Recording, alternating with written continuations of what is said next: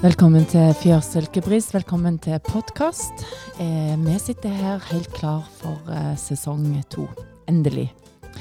Vi har et ønske om å inspirere, motivere og engasjere. Og vi vil òg gjerne snakke sant om livet. Vi vil ta oss tid til å stoppe opp litt og kjenne på hvordan livet er akkurat nå. Og helt klart at uh, første sesongen den uh, handler om uh, livet, den handler om drømmer, kjærlighet, ærlighet, trening, helse, gode relasjoner, når livet blomstra og når livet føltes litt tungt. Vi har hatt utrolig mye kjekke gjester på besøk, og gitt om vi skal ha det videre òg. Um, I januar så var vi veldig klar, eller rett etter nyttår, når vi hadde nyttårssending, så var vi veldig klar for ny sesong.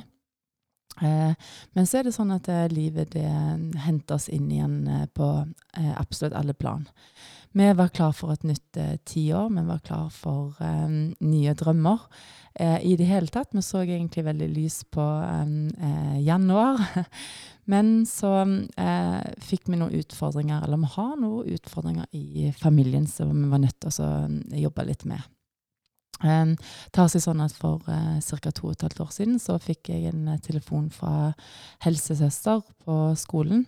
Um, tvillingjentene våre, uh, som nå er 16 år, de, um, eller det var hun ene jenta vår, hun um, hadde sånn, de hadde mistanke om litt sånn skolevegring for å være trøtt og sliten og i det hele tatt.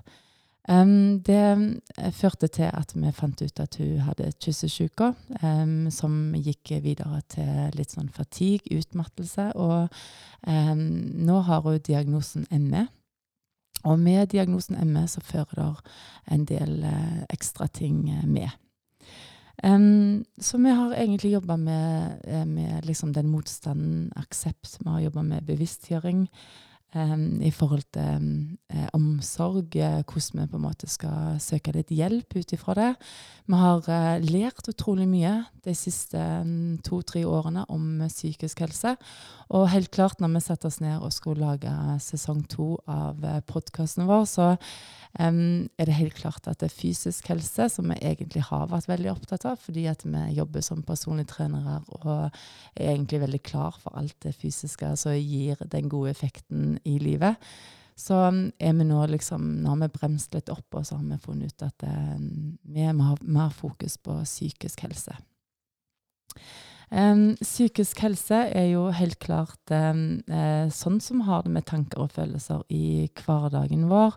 Uh, hvordan vi har det i kroppen vår, hvordan vi har det i forhold til tanker og sånt uh, i hodet. Um, så nå er vi egentlig klar for uh, en ny sesong med spennende gjester. Og i dag så er uh, Dianne, storesøster Dianne og Øyvind, uh, mannen min, er med. og vi er, vi er klar. God morgen, Dianne og Øyvind. God morgen. Jeg føler meg så heldig som har dere her med meg. God morgen, ja. ja. Um, det er sånn at jeg, eh, Nå har jo jeg snakket litt om psykisk helse. Jeg grudde meg egentlig til å snakke litt, for jeg er jo sånn utrolig følelsesmenneske. Eh, og så handler det om aksept. Det handler om på en måte den der eh, bevisstgjøringen. Um, og så er det jo helt klart at uh, vi har vært ganske flinke å bruke den fysiske helsa vår. Er du enig i det, Janne? Ja, det er jeg helt enig i. Og jeg tror jo veldig på det at uh, den fysiske helsa henger sammen med den psykiske. Og det å kunne være fysisk aktivt og gjøre, gjør ting, det tror jeg òg gjør, uh, gjør, noe for psyken vår. Så det med type grønn resept og det å komme seg ut i skog og mark, eller hva det nå er enhver av oss kjenner gjør godt, det tror jeg er viktig. Men så er vel kanskje utfordringen større hvis en da plutselig er i en situasjon der en ikke kan være sånn fysisk. Hva, hva skal en da gjøre sant, for at uh, den psykiske helsa skal være bedre? Så uh, det er nok en grensedragning der òg. Det er jo ikke alltid du kan gjøre de fysiske tingene som, som vi kjenner er godt. Eh, og så er det jo på en måte sånn at uh, den, altså den psykiske helsa er kanskje ikke så akseptert. Alle har jo en fysisk helse, men vi har òg alle en psykisk helse. Um, det er liksom mange sykdommer som er selvfølgelig akseptert, men med en gang du sier at uh, snakker om psykisk sykdom, så tenker du gjerne at det er sånn som ikke tilhører oss. Ja, og så kanskje at det er litt sånn ukjent og ikke så mye snakket om. Altså har du eh, problemer med et kne eller en dårlig rygg, eller så er det litt sånt eh, som ja, alle snakker om, og det er noe, noe, fysisk og noe håndfast. Og så er vi nok litt mer i et sånt ukjent terreng når en skal eh, snakke om de psykiske tingene. Så det er jo et veldig viktig tema å, å, å snakke om, og kanskje vi må tørre å bli litt mer ja, litt, eh, litt, mer uredde der òg, på en måte. Og både si hva en har som utfordringer, og høre på andre og spørre hvordan en har det. og ja. Mm. For uh, du, Øyvind, nå, nå, ble jeg en sånn intervjuer i dag, men uh, det var litt nytt, for vi har aldri vært tre i, uh, i stua vår på en gang liksom, og snakket. Men jeg vet jo, Øyvind, at du bruker jo på en måte den fysiske delen til, til mye. Ja, det er en kobling mellom psyken og, og hvor, hvor god kapasiteten er på en måte i det, det, det, er på en måte det med å bruke fysisk trening som medisin. Det er litt sånn Du er fryktelig privilegert hvis du er såpass frisk og rask at du kan gjøre det. Da er du egentlig Da kan du egentlig bare skli av gårde. Uh, og har du den muligheten, de gjerne sier, så trenger du ikke jobbe så mye med, med det andre. Da da gir det booster deg opp uh, mentalt. Og, men med en gang det ikke ligger til rette for at du kan gjøre det, så må du faktisk finne på noe annet. Ja. Eh, jeg tenker jo litt sånn, Når du tenker på um, det der når så spør liksom eh, eh, hvordan har du det i dag? Jeg husker jo eh, veldig godt i forhold til eh, all den tida når vi på en måte hadde mye sykdom og sånn i familien, når, når du mista mannen din, Diane, når du hadde tre forholdsvis små barn. Eh, tenker du at du kanskje kunne vært mer åpen i den tida, liksom? Altså, men du må jo beskytte deg sjøl. Eh, for det er viktig at folk eh, kanskje spør hvordan vi har det. Har vi en sånn tendens til bare å si at vi, vi har det så fint? Det går fint. Ja, det, det, tror jeg og mener absolutt. Og det, og det, er kanskje litt todelt, som du sier. Både på Klart at hvis du treffer noen eh, i, i, køen når du er og handler, og de sier 'hei, hvordan er det med deg', så er de jo gjerne ikke rett til plassen og, for å si hvordan du egentlig tar det. Sant? Og ofte så forventer vi jo bare å få et svar som at 'jo da, det, her går alt fint'. Sant? Det er liksom ikke Så kanskje i litt andre altså type settinger. At vi skal ta oss eh, tid og, og, faktisk mene på en måte når en, når en spør om det. For eh, det er jo det svaret som ligger nærmest, og det stemte jo ofte ikke. Mm. Det var jo en vanskelig situasjon, og det var mange dager som var ganske pyton, men eh, en svarer jo kanskje at nei, nei, nei, det går fint. Det som jeg tenker litt dumt, er at eh, før, eh, når vi på en måte var sånn tidlig voksne, og sånn, så kunne vi gå på besøk til hverandre uten å gi beskjed. Eller spørre om det passer på forhånd. Eh, hvis jeg kjører bilen og har ungene i bilen, og sånt, altså hvis jeg sier vi, vi stikker innom der, så blir det helt sånn Har du gitt beskjed at vi kommer? eh, til og med nesten når det gjelder til deg. Men jeg kan jo koden på døra di, så jeg låser meg jo til og med inn til deg. Men eh, det som er litt sånn at eh, Det som jeg faktisk merka litt sånn nå i januar, når vi på en måte eh, Når vi fikk eh, når, vi, når, jeg kjente at det var himla vanskelig, så avlyser jeg gjerne de tingene som sosiale tingene. Jeg har omtrent ikke vært på noen ting i januar. Ikke har jeg eh, gått i klubb, eller ikke har jeg gjort det. Jeg har liksom bare villet vært hjemme, så jeg ville vært liksom rundt det eh, som er hjemme. Mm. For det har vært viktig for meg. Men det tror jeg òg er helt, eh, helt uh, naturlig. Og kanskje det er et stikkord som du sier, at uh, kanskje vi i alle fall skal være flinkere der. At hvis vi har noen rundt oss som gjør de tingene og mm. agerer på den måten, så kan gjerne det være et signal til oss om at eh, her må vi faktisk ta kontakt, og her må vi spørre litt mer. For jeg, jeg, jeg syns jo at vi har ei ja, Kanskje til og med strekker det sånn at vi har en litt litt plikt til å mm. stille litt opp for de eh, rundt oss. Og det er jo et ganske sterkt signal om at eh, en ikke har det så bra mm. hvis en trekker seg eh, unna sosialt. Men jeg tror det er et helt jeg, tror det er helt normalt, på en mm. måte, hvis en kan si det og gjøre det, men det er kanskje der en da skal ikke bare slå seg til ro med det, men, men, faktisk stikke på det uanmeldte besøket, eller ta den telefonen, og ikke da bare akseptere at nei, nei, det går fint. Kanskje en da skal tørre å stille opp med noen ytterligere spørsmål og være litt sånn eh, på. Da tenker jeg at vi, da er gode venner og et godt medmenneske, og det, mm, det, det syns jeg at vi skal prøve å være. For det slo meg egentlig akkurat midt i den eh, Egentlig nå, bare for noen dager siden, så tenkte jeg at gud, nå har jeg ikke gjort eh, noen ting. Jeg har liksom bare konsentrert meg om hjemme. Jeg har jobba og gjort de tingene jeg må. Og så heldigvis for deg så har vi en sånn regel at når jeg ringer deg, så eh, ringer du meg igjen uansett. Eh, det er ikke sånn at jeg bare kan ringe deg, og så um, vet jeg ikke om du ringer tilbake. Nei. Så jeg, jeg, jeg syns veldig synd på de som på en måte kanskje ikke har noen der ute. Da mm. tenker jeg at vi må faktisk, eh, hvis folk blir litt sånn eh, trekker seg litt tilbake, så må vi faktisk være flinkere og spørre. For mm. det er liksom egentlig kanskje så lite som skal til. Mm. Det er egentlig bare litt medfølelse og litt empati og litt um, Ja. Vi kan ikke springe fra alt, rett og slett. Det stemmer.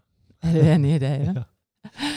Og så er det jo sånn at noen er veldig flinke å snakke om følelser og snakke om ting som er vondt, og andre de eh, er ikke så flinke. Men det er ikke noe fasit egentlig på det heller. Nei, vi er jo alle forskjellige, og det skal en jo respektere. sant? Og så er det jo litt sånn som du sier, alt etter hva som skjer gjennom, gjennom livet, så får noen øvd seg mer på det enn en andre. sant? Kanskje tidligere, og det er i forskjellige faser. Og, men men det å tørre å være kanskje litt, eh, litt nysgjerrig og litt, eh, litt, spørrende og litt undrende i forhold til de som vi har rundt oss, det tror jeg kan være god effekt. For vi trenger alle noen, og jeg tror òg at vi alle trenger å snakke om de tingene. For vi har jo psykisk helse alle, og jeg, jeg tror iallfall ikke på at eh, noen har det helt topp hele tida. Det, det, det tror jeg ikke. Livet er ikke sånt. Det er ingen som har det. Så, og ofte så henger du igjen liksom fra vi eh, kanskje var små, liksom. Eh, litt sånn hvordan vi er, hvordan vi tar ting, hvordan vi eh, kan vi velge i forhold til om vi har store eh, vennegjenger, eller om vi liker å være litt for oss sjøl. hva, hva, tenker du om det, Eivind? Nei, det var et godt spørsmål. Jeg eh, har jo um, ingen problemer med å å trives i eget selskap. Selv om jeg uh, ikke er asosial, så finner jeg tilfredsstillelse med å, å finne flyt i individuelle uh, ting som tar oppmerksomheten. Det er en slags flytfølelse, det òg. Mm. Og der tror jeg uh, det der med å springe vekk ifra Jeg mistenker at jeg, jeg går i en slags sjølhypnotisk tilstand når jeg er på en langtur. og og um, samler opp endorfiner, for å si det sånn. Mm.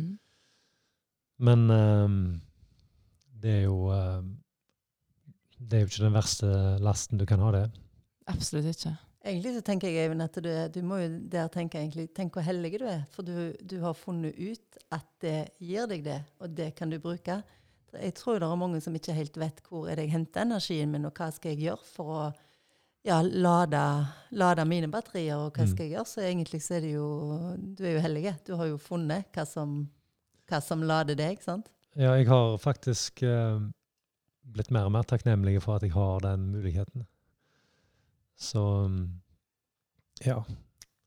Den koblingen der til fysisk helse, den er ikke sjølsagt. Det er det som er på en måte blitt uh, litt tydeligere for oss nå. Mm. Um, bare ta for eksempel um, det der med um, Vi har jo, vi har jo bakgrunn i um, treningslære, og, og, der har du en definisjon på fysisk helse. Og Verdens helseorganisasjon kom opp med den allerede i 1946 med en sånn helhetlig eh, tanke om at det, det, er både fysisk, psykisk og sosial velvære, og ikke bare fravær av sykdom. Eh, og så har han blitt kritisert. og så Det som er framtredende nå, hvis du går på Det er kjempegode nettsider på, uh, som kobler til NTNU. Uh, det er et forskningsteam som heter SERG, som driver med forskning på trening som medisin. Og de har en voldsomt enkel resept. hvis du passer på å trene med høy puls et par ganger i veka, og så tar du deg en langtur i tillegg, så har du på en måte gjort det som du trenger for å få eh, bygd opp eh, kapasiteten din. Eh, Sånn at du kan holde en lav fysiologisk alder. De mener, jo lenger du kan holde deg på 20 år, jo bedre er det. Og det kobler opp mot uh, VO2 maks-kapasiteten din. Det er litt, litt um, ekskluderende på en måte òg, da. Fil filosofere litt over det. Hvis du liker å, å sluke mil på asfalt, så er du plutselig veldig sterk i helsa di, da. Ja, men jeg tenker jo litt sånn som Janne sier, jo at eh, når du på en måte sliter litt psykisk, så er jo den terskelen ganske store for å eh, gå ut. Eh, og det som er jo, hvis du f.eks. Eh, sliter litt med angst eller depresjon og sånn, så hvis du f.eks. går ut og får pulsen sånn veldig høyt opp, så eh, skjer jo det samme når du får angst. F.eks. når du får et angstanfall, eller Mm. når du får, så, så stiger jo pulsen, og så blir du egentlig litt eh, engstelig og redd for det i forhold til eh, Så de som har det, må jo begynne liksom Terskelen er jo helt, eh, helt lave. Eh, og det som jeg ser eh, på de som på en måte sliter eh, litt sånn eh, Det er jo på en måte alt ifra kontakt med dyr, altså omsorg, bare det å gå tur, en sakte tur i skogen som ikke på en måte har pulsen. For gjerne de på en måte har puls fordi at de stresser, og fordi at de har angst, og fordi at de har de hele tida en sånn konstant litt høyere puls enn eh, du hadde hatt hvis du hadde ligget på benken. Mm, mm. Det skal voldsomt lite til for du får den effekten som er anbefalt. da.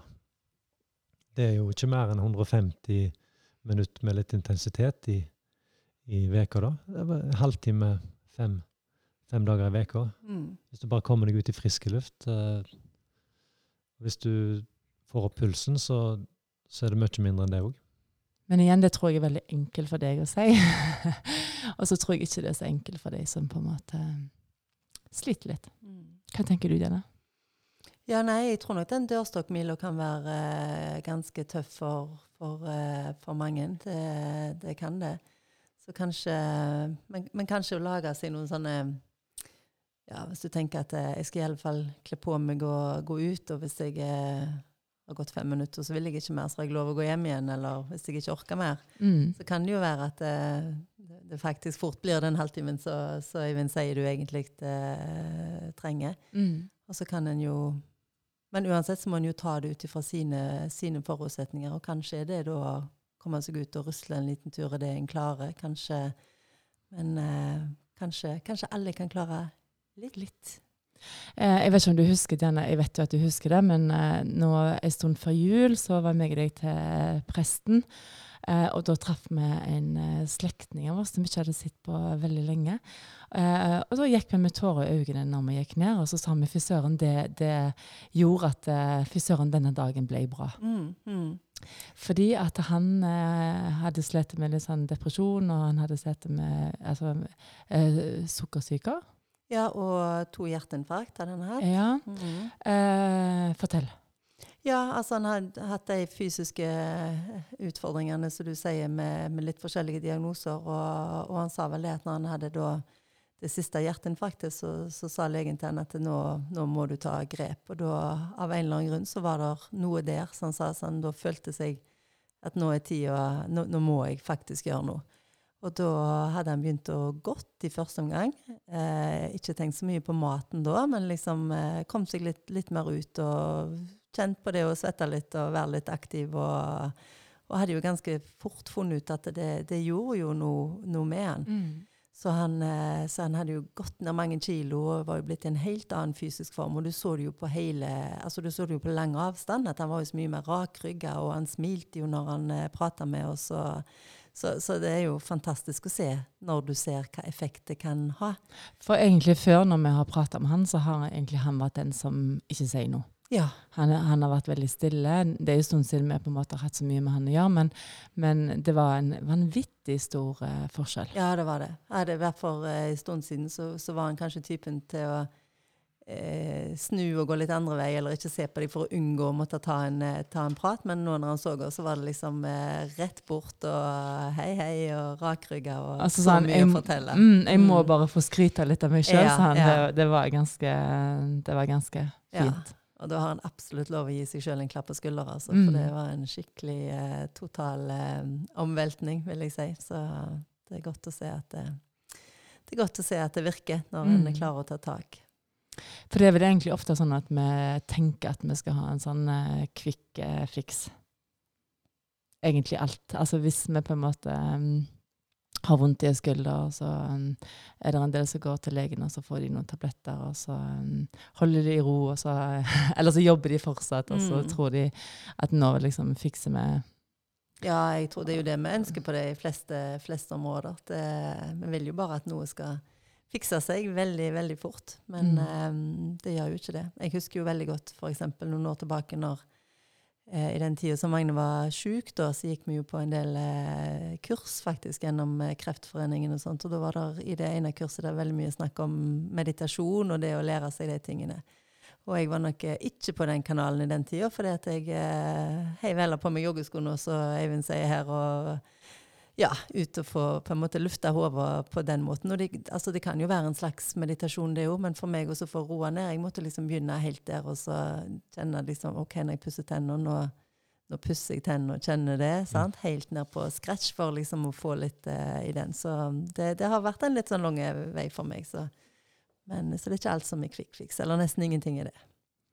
Um, det er jo sånn at når du er i pusten din, så er du i livet ditt. Og det er ganske fint, for det, du trenger egentlig ikke kalle det for meditasjon engang. Du kan bare tenke at ok, nå skal jeg bare være her i pusten min litt, og så er jeg i livet. Um, og så er det eh, er det jo sant, jeg sier det hele tida, den eh, setningen den følger meg. Og så er det jo sant at um, til vanlig, sant, hvis ikke vi tenker sånn, hvis vi teller hvor mange ganger vi puster, så puster vi gjerne sånn eh, 14-15-16 ganger i eh, minuttet. Men gjerne når du har angst og sånn, så er du gjerne oppe i 30, og gjerne over det hvis du på en måte stresser. Det trenger ikke bare å være angst, det kan være egentlig bare stress.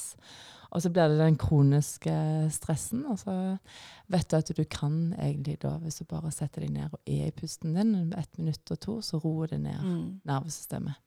Jeg syns det er ganske fantastisk å eh, lære ny kunnskap om eh, pust og sånt. Mm. Enig, Even? Du går på kurs du nå, så du er jo litt eh, oppdatert på, på området. Det handler vel om å være dønn til stede akkurat eh, når livet skjer. Mm. Og da er det jo nærværende. Du, du er nok eh, mer til stede for de rundt deg, og jeg tror eh, uansett hva oppgave du skal gjøre, så tror jeg du har en større kapasitet til å oppfatte det som endrer seg. Du går ikke på autopilot lenger da. Så det, er- det er mye å hente på det, og ikke uh, leve Hvis du alltid er på vei videre til det neste, så, så blir du jo litt fraværende.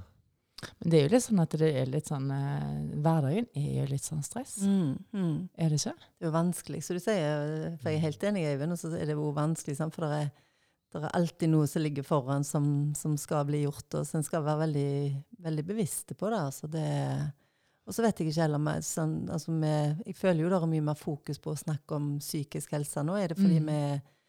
vi er, altså, er er blitt åpnere og snakker mer om ting, eller er det blitt mer enn det var før? Er det, er det livet vi lever? Er det som du sier, det kavet og stresset? Det er, det er ganske mye sånne ting som en lett kan lure på. at Hvorfor, hvorfor er det blitt som det er blitt? Mm. Det er nok blitt litt, mer, eh, litt flere diagnoser, kanskje.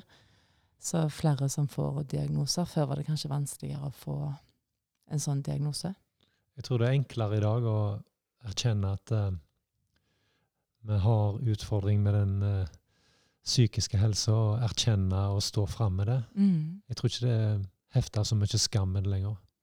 Eh, Neste uke så skal vi ha en gjest som jeg allerede har spilt inn en episode med. og Det er om angst. og eh, Hun er leder for Angstringen i Haugesund. Så, det, så, så det er egentlig veldig mye altså Hvis vi på en måte åpner opp litt og snakker litt med folk og hører hva folk, eh, eh, hvordan folk egentlig har det, kanskje. Altså hvordan tar oss tid til det. Mm. For det er litt sånn som du sier, Janne, at hvis, um, hvis jeg hadde Altså hvis jeg treffer deg, og du egentlig skulle fortalt egentlig alt uh, den tida i forhold til um, uh, Sø og sånt Det spørs jo egentlig hvor mottagelig du egentlig er, den som står ved siden av, liksom.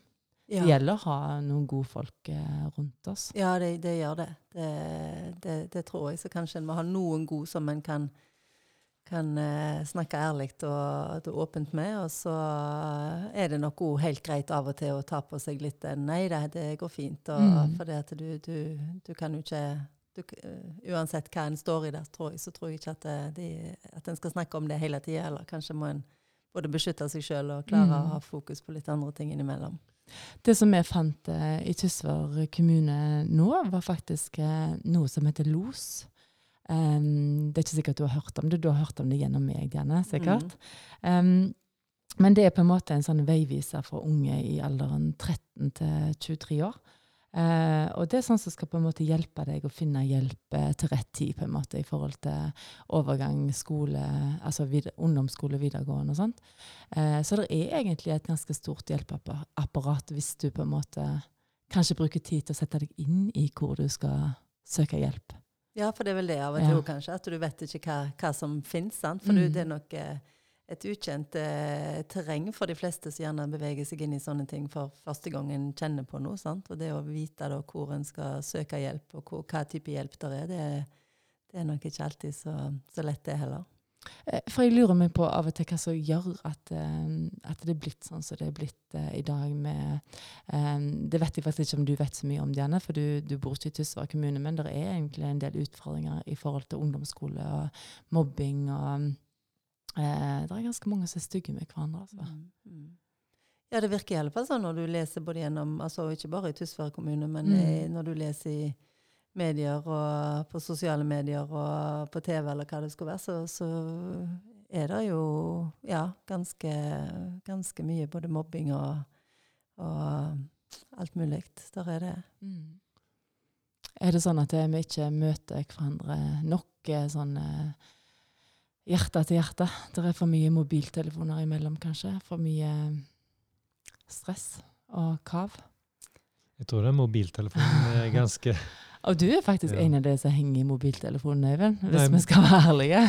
jeg har bøkene, bøkene mine inne på den. Jo, jeg føler jo det er noe annet enn når det er på MyBooks. Ja, ja, det er helt sant. Så Derfor så blir jo det mistolka med en gang du har den oppe. da, For hvis det hadde vært ei eh, ei eh, paperback uh, mm. så hadde det vært helt fint. Vi gikk tur med hunden i dag, denne, og så gikk han eh, 20 meter bak meg, og så gikk han og leste på mobilen sin. Ja. Det var sikkert inn i et spennende uh, tema, da, vet du. Jeg var i iBooks. ja, ja, det er det jeg mener. Det var nok Nei, vi skal ikke være altfor um, generaliserende med en gang vi ser at folk har oppe mobilen. Den er liksom nesten blitt en integrerte del av av uh, hver og en av oss. Men det der med mobilhygiene, ta, legge den vekk for å ha kvalitet i samværet, det er absolutt Der som jeg jobber, er det Det må du jobbe med. Nei, men uh, vi, har, uh,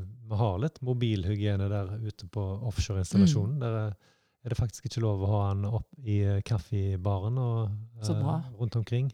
Men det har nok med sikkerhet og litt sånt å gjøre men, men det er sosialt at du faktisk eh, har den direkte koblingen, da. Man to man, face mm, to face. Mm. Og når du har den mobilen imellom, så dukker jo disse nettrollene opp. Mm. Og eh, det er utrolig hva de kan få seg til å si. Når du har det filteret imellom, da er det akkurat som det vokser fram et stort, hårete udyr som ikke ville kunne vært så fryktelig. Eh, det er litt skummelt, da.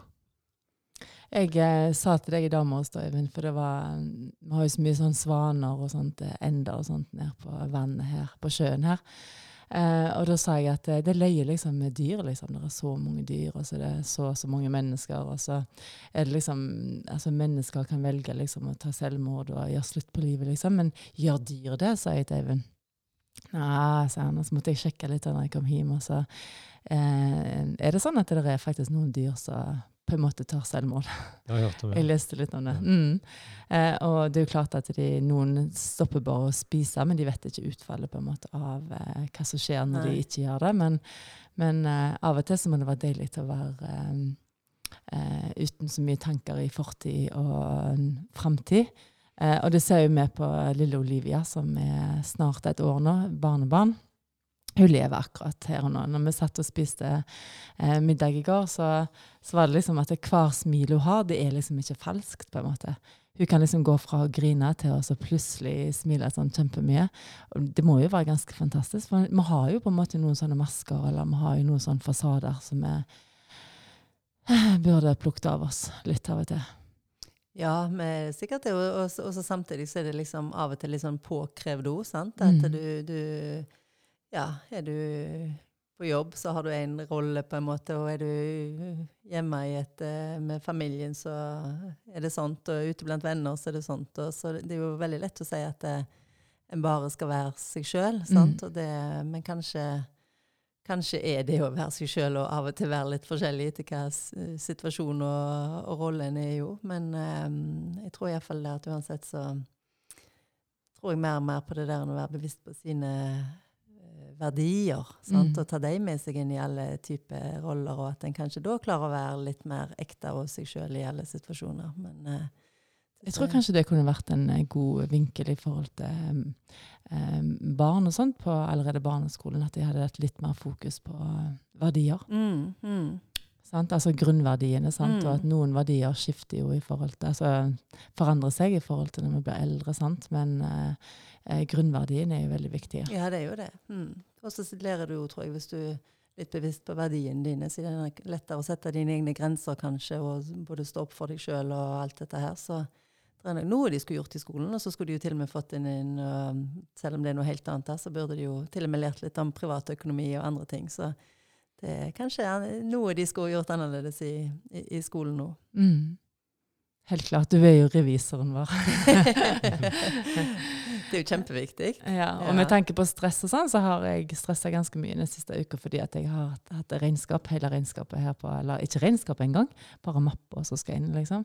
Så da har jeg ringer jeg til deg og så sier jeg at jeg kunne aldri vært revisor. Og så sier du gjerne at ja, men jeg kunne ikke gjort alt det som du gjør heller. Nei, sant? Så det Så det er liksom viktig at vi, vi, vi kjenner litt på det. At Mm. vi, vi er ikke en konstante ting. Vi har lov å forandre oss hele veien, og sånn, men vi må ha verdier, og så må vi ha det, det grunnleggende, det gode. Det må vi ha i bånn. mm, mm. Um, og så er det sånt, til Øyvind, at eh, i dag så var det jo egentlig bare sånn at vi skal snakke om litt hva vi på en måte skal ha fokus på denne eh, sesongen. Um, og nå har jo alt eh, ligget litt sånn brakk eh, ute her hos oss, for det har vært litt, eh, eh, litt andre ting. Men nå skal vi begynne, Øyvind, skal vi ikke det? I åkeren og sånt.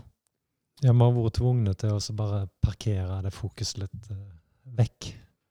Vi har holdt på med graving, omfattende graving i hele hagen, så det ser egentlig ikke ut. Nei. Um, Det er fordi at vi har fått offentlig kloakk, så det var sånn påkrevd. ja, så nå, nå er det spennende. eh, nå kommer våren ganske eh, rett bardust på her. Og eh, vi har masse forventninger til hva, hva som skal bli vi tenker jo Jeg har tenkt oss å anlegge et nytt felt med kålvekster, og så må vi ha litt vekstskifte på det som vi har dyrka noen sesonger nå. Mm. Uh, så vi skal få ned noen poteter som kan uh, uh, hjelpe på jordkvaliteten.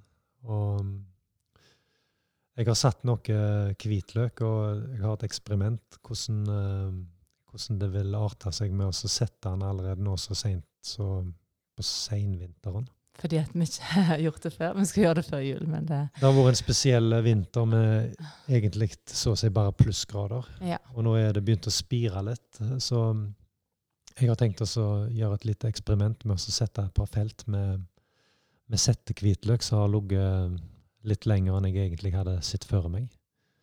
Um, så er det um, planting og forkultivering og sånne ting. Så det, det er spennende tid. Og så er det litt mental helse i det òg. Mm. Er det ikke det? Er det det? Absolutt. Ja, vet du hva, det må det jo være. Det er jo Ja. fascinerende å, å se på hva Øyvind får til uti der, og hva det ender ut med av de gode rettene å spise. Det er Mm. klart at det Jeg det tenker at du kanskje være. kan få deg et felt i år, gjerne, hvis du vil? Et ja, felt i hagen det vår? Et felt Mm. i hagen, ja. Du kan, du kan abonnere. Ja, ja. Jeg har jo en liten sånn kjekk kjøkkenhage på, på, på taket, jeg Mm. òg. Det er jo utrolig hva det kan bli ut av et bitte Mm. lite område. Det skal ikke så mye til, faktisk, før det Og det er jo, det er jo kjekt. Men som fa fast eh, spaltist, holdt jeg på å si her, så, så fortjener du en andel der nede i Ja, jeg tror det. Ja, jeg tror vi gjør det. For, for det har vi òg tenkt altså, liksom, eh, når vi liksom eh, bestiller litt frø Vi, skal, vi må sikkert bestille litt. Vi har, vi har en plass som vi bestiller fra sånn økologiske frø. Så når vi gjør det, så må vi jo på en måte holde folk litt oppdatert, i tilfelle de vil være med på den prosessen. Kanskje noen vil være med og plante eh, hjemme hos seg, liksom. Ja, det er jo litt gøy, vet du, Så- for da kan de plante samtidig. Ja, det er det jeg tenker. eh, Så kan vi sammenligne. sammenligne og høre og få litt tips hvis det er noe som ikke går helt veien. Mm. Og, så det, Så fordi at vi lærer liksom hele veien mens vi, mens vi går, og hvis vi går med òg. For det er ikke sånn at vi er er sånn eksperter på noen ting. Men, eh, men gøy er det. Og så er det jo på en måte litt sånn eh, mentalt. Gud, det er kjekt altså, å plante et frø og så bare se hvordan det eh, spirer og vokser. Og så, hvis ikke vi vanner det, passer på det, så dør det. mm, vi- Enkelt og greit. Det har vi erfart. Det har mor erfart. ja, sant. Så må vi vite hva vi har opp putta oppi hver plugg og sånn. Eh, Og det er liksom, meg og Øyvind er jo veldig forskjellige. Og mm, eh, i fjor, jeg vet ikke om du husker denne, så hadde jeg ansvar for eh, mesteparten av frøsåing, for da var han i Nordsjøen. Og så eh, kom han hjem, og så hadde jeg ikke merka noen ting. Så vi visste ikke hva som var bifftomater eller cherrytomater eller paprika eller chili. Så jeg, vi ser det, vi ser det på bladene. Men vi gjorde ikke det helt heller. Fordi, så vi hadde litt kaos i åkeren og sånn. Kunne se hvor Øyvind hadde vært, for der var det beinestriper. Og der som jeg hadde vært, der var det Jeg liker jo alt som er uperfekt. Um, Skal, vet du hva vi skal gjøre? Vi skal lage en rammeplan. og, og det vet ikke om du vet det, Janne. Før eh, jul så, um, så hadde jeg sagt til Øyvind at eh, du må legge en plan, for du, du har liksom så mye i hodet ditt, og så må du legge en plan. Og så var det en dag jeg gikk rydda, jeg tror han var reist i Nordsjøen, og så fant jeg rammeplan for lørdag 26. november Ja. 2019. Det, Og det var en så nøye rammeplan. Den har jeg sikkert brukt tre timer på å lage. Det det- var bare punkter. Og så tenkte jeg, hva, hva har han fått gjort? Tror det var ett punkt eller noe sånt. Mm. Altså, det, var ikke, det er ikke negativt, Eivind, Ja, for det du er er veldig litt- flink. det er litt komisk eh, med en rammeplan som er relativt uh, fra minutt til minutt. Det, Ja, det, det, det det er sant. ja, det var det var min.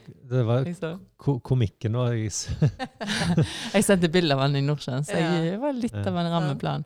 Jeg, har jo alltid, jeg må jo alltid ha sånne to do-lister, og elsker jo når jeg kan stryke ut det som blir gjort, og så følges det på og ikke. Men uh, to do-lista minutt for minutt, det var nytt. ja, det det var, har jeg ikke hatt det var, det var det. Eh, Men, uh, men som sagt så tar det av, av og til litt tid. Men du er jo flink, Eivind, for du er jo aldri sånn at du ligger, uh, legger deg ned og tar dyne over hodet. For det må jeg jo si nå eh, Det er ikke mer enn en uke siden sist jeg sa det, tror jeg. Jeg sa at jeg, jeg tror jeg kunne ligget her Hvis jeg bare hadde fått lov å ligge her nå, så kunne jeg ligget her i hvert fall tre dager, sa jeg til Øyvind. Og da Mm. bare ler han. For det, det, det liksom kunne ikke skjedd med han. Nei. Da går han ut, og så springer han, og så Men det viser jo bare hvor, hvor forskjellige måter en har Ja, kanskje ja, for ja. å håndtere eh, ting når det er litt vanskelig. Mm, sant? Mm. Og da er det jo godt å kunne være der litt for hverandre og trekke litt ut av den situasjonen, eller eh, ja, absolutt. være der. Mm. Du har jo strekt morgenen i lag med deg av og til. Mm. Eh, og så I tillegg så har vi jo, eh, hvis vi skal gå litt videre, Mm. eh, så har vi eh, et sånn låtskriverkurs som vi har på huset her nå. Eh, og vi har eh, allerede hatt to lekser. vi har ikke levert inn den første leksa ennå, Øyvind. Den satt, eh, jeg satt med den hele dagen i går, og du ble med hele kvelden, faktisk. Co-writing. For Ja. vi har um, en tekst som skal skrives i forhold til en, en sang. Og um, egentlig så uh, hadde jeg veldig tro på at vi skulle lage en duett som jeg og de skulle synge i lag, som heter 'Hvile i kjærlighet'. Men så fant jeg ut nå når det har vært så mye liksom, snakk om på en måte, psykisk helse, og så mye, når vi har på en måte hatt så mye eh, inni det, så fant jeg ut at vi er nødt til å skrive en sang på en måte om litt om det, på en måte, på en, på en god måte liksom veien ut, liksom veien sammen. Og, eh, så jeg tror kanskje jeg har sittet sånn eh, inn på kontoret ganske mye siste dagene. Mm. Satt jeg litt fast, og så satt jeg Ja. Men i går så kom Øyvind inn, og så, så jeg skal levere første lekse i dag. Mm. Men altså, det, jo, det er viser jo bare hvor, hvor mange måter eh, og hvor mye forskjellig en kan gjøre for å kanskje håndtere ting. Og Mm. dere er jo da heldige som til og med har en ting der. Det er å få ut eh, følelser og få ut ting gjennom det så skrive en tekst. Sant? Mm. Det er jo en måte å håndtere ting på og, og gjøre ting. Så, så det er jo der ligger nok kanskje mye god psykisk helse i det òg. Så Mm. det er jo veldig mye forskjellig som kan være OK. Det er jo Mm. ikke noe, det er nok ikke noe fasit. Takk, Diane. Mm. Det, det er litt for enkelt å si at bare kom deg ut på tur. så Ja, det er det er altfor enkelt. Ja, det er faktisk det. Ja, ja. Og så i løpet av eh, Da er det altså Når vi holdt på i to uker, så da er det seks uker til vi skal ha en konsert her på huset. For vi er, eh, er med ti stykker, i hvert fall, som går på det låtskriverkurset. Så da skal vi ha en konsert med alle låtene som skal fremføres. Eh, og da skal du komme, Janne. Gud, at jeg skal komme, ja. Mm. Selvfølgelig. Det skal bli kjempespennende. Så da skal vi ha en konsert på huset, og det gleder vi oss til. For dette alderen er fra Marie, lille jenta vår på 16 år, som ikke er så liten lenger. Mm. Hun er den yngste, og den eldste er Oi, nå er jeg redd jeg skal si feil, men i hvert fall på Minefelt. slutten av Nei, ja. Nei. Midten Ja, av er 50-tallet, 60-tallet. Så, så det er ganske gøy.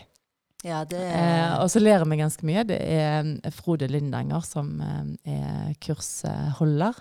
Eh, utrolig flink. mm. Så, så det, det er ganske spennende. Det er kjempefine grupper med variert um, musikalske uttrykk og flinke folk. Mm. Så um, vi har jo uh, fått gleden av at de har delt uh, helt uh, Bare sånn råopptak av hva de har gjort. Og det er jo, Mm. det er jo kjempe, kjempebra. Så, så egentlig altså skape et sånn lite sånn samfunn, eh, ikke bare med yoga og trening, gjerne, men også om med musikk og sånt. Og der kommer du inn nå, for du, du kan jo spille eh, klarinett, og du kan jo kore, og du kan jo Så det, det er jo helt fantastisk. Så egentlig så må vi liksom holde Det er så viktig å gjøre ting som gir litt glede inni liksom alt det Vi må liksom lære oss nye ting, vi må liksom gjøre Jeg er så glad for at vi har det genet, liksom, som Mm. gjør at vi faktisk eh, eh, tar en fot fram, og så gjør vi noe av det som vi har lyst til. Mm. Ja, det er noe med det der som jeg, er- Mm. Ja, og ofte sier det å være på vei. sant? Mm. En, eh, der er jo alltid noe nytt og noe kjekt. Mm. og Alle kan vi brukes til noe, kanskje, og vi skal hive oss ut på noe vi ikke er best eller flinkest, så er, det Mm. ikke, er det ikke så farlig det heller. sant? Det, Prøv, prøv på noe nytt. Det må jo være toppen på um, Altså, hvis du føler at du stagnerer, mm. Mm. hvorfor uh, ikke prøve på noe helt nytt, Mm. så du er dritdårlig i? Ja, sant? Og så er det jo oklart at uh, Marie, da, som på en måte har uh, utfordringer om dagen, hun har jo lagd en så utrolig fin sang, så jeg satt og grein i bilen, og da bare ser hun på meg, så skal du grine nå igjen. Ja, sant. Så, så, så det er liksom kjekt å kunne gjøre sånne ting eh, i lag. Mm. I tillegg så skal jeg til Oslo igjen allerede nå til helga. Og fy søren, jeg, eh, jeg har ei fin gruppe i Oslo. Med fine lærere, og jeg er så ydmyk for alt jeg eh, lærer, og alt jeg eh, eh, får være med i. Så det gleder jeg meg godt til. Mm. Fortsettelsen. Spennende. Mm. Og så gleder jeg meg til din 50-årsdag. Men altså, det var jo ikke alt det det skulle handle om nå. Eh, Dianne er 50 år eh, snart, eh, i mars, og da skal vi feire deg noe så inn i granskauen. Eh, og så er vi litt sånn eldre nå, vet du, Dianne. sant? Så vi valgte, du valgte bursdag klokka fire til klokka elleve Yes. med champagne, og det, det skal bli helt eh, fantastisk. Ja, det, det skal det. Og hvert år er verdt å feire, tenker jeg. Tenker, så heldige vi som faktisk får bli 50. Mm. Så jeg eh, gleder meg og hyller hvert år jeg blir, altså. Det er ikke noe selvfølge, det heller. Så um, det er verdt å feire. Mm. Og så er det jo mange kvinner som er med og feirer dagen din. Yes. 8. mars. ja, Det er ikke verst. det er Nå skal jeg inn og se på offshorekalenderen. Jeg Du er er, hjemme. Jeg vet at du er jeg er nå faktisk um, akkurat kommet hjem. Ja, for jeg tror ikke du egentlig helt vet det heller. Men, Jo. men det er Du, du, du skal um, Det er den 14.. Du, du skal nemlig synge og underholde litt. Ja, ja. Ja. jeg har ikke spurt deg ennå, men nå, nå bare sier jeg Men- at sånn må det bli. Det er bra, dette. Uh, hvis ikke jeg hadde skifta rotasjon uh, Men det kan vi sikkert ja. etterpå. jeg tror ikke alle Ja, men, de for inntil tre dager siden så, så var jeg ute i Nordsjøen. Ja, det hadde jo vært krise. Da måtte du jo kommet hjem da, for ens ærend for å spille og synge litt for oss. Stemmer det. Ja. Men eh, det som i hvert fall vi ønsker, og som vi snakket om før vi gikk eh, på um, lufta i dag, kan vi si det, eh, er at vi ønsker et kanskje litt mer åpen, åpent Altså alle ønsker jo et åpnere samfunn om psykisk helse. Så Mm. vi, vi henger oss på den. Er dere enig? ja, jeg er helt Mm. kjempeenig i det. Og, og bare det at vi kan sitte sånn uten å være noe ekspert eller har noe utdannelse i dette, annet enn at vi har eh, livet som bagasje og, og hva en tenker og føler, og det bare å kunne ja, sitte og snakke litt sånn løst, det tror jeg er Ja, det, det må være helt greit. Og det, jeg tror det fører noe godt med seg, det òg. Og så tror jeg på en måte den der, Når vi tenker psykisk helse, da, liksom, er det automatisk at vi tenker på den yngre garden. Liksom. Det er helt feil. For at jeg egentlig tenkt på oss som er akkurat midt i livet nå.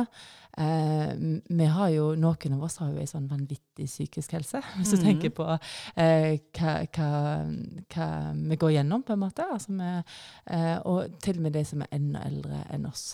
Tenk på alle de gamle ensomme som sitter der, og så har de på en måte For ensomhet er jo egentlig helt grusomt. Mm, mm. Og det er jo mye av det òg, så. Så, så jeg tenker at vi skal jobbe litt med det, og så skal vi få inn uh, en del eh, Absolutt ikke eksperter, men skal få inn en del som vil uh, være med å dele Mm. om utfordringer og sånt. Og hvis du selvfølgelig er en av de som har lyst til å være med i, i podkasten vår, så må dere bare sende en, en messenger. Eller hvis du tenker at du tenker at eh, det hadde vært kjekt med eh, en spesiell gjest, så er vi veldig åpne for det. Det er jo egentlig fantastisk, for det som jeg sier, der er jo eh, altså veldig mye, mange eksperter og sånn, men det å liksom høre på, på folk som har kjent på forskjellige ting, og hvordan de gjerne har takla ting og kommet seg gjennom ting, det er, jo, det er jo ganske berikende, det jo på en måte. Så det er jo veldig kjekt hvis det er Mm. noen som gjør det. Jeg tenker at det, det, det er så mange historier der ute Mm, som mm. eh, eh, hadde godt av å hørt. Mm. Enig? Mm. Mm. Så da må jeg bare si at det, det var ganske deilig å være i gang igjen, altså. Det er jo ganske kjekt, dette her. Ja. Ja.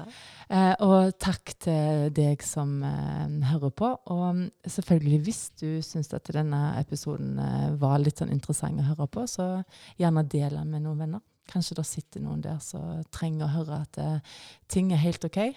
Livet skjer med absolutt alle. Det er oppturer og det er nedturer, og um, det gjelder bare å komme gjennom det. Mm. Har du for mye motstand, så um, trenger vi litt aksept. Mm. Så da ønsker vi eh, alle dere ei fin uke, og så gleder jeg meg til å høres igjen om ei uke. Ha det bra.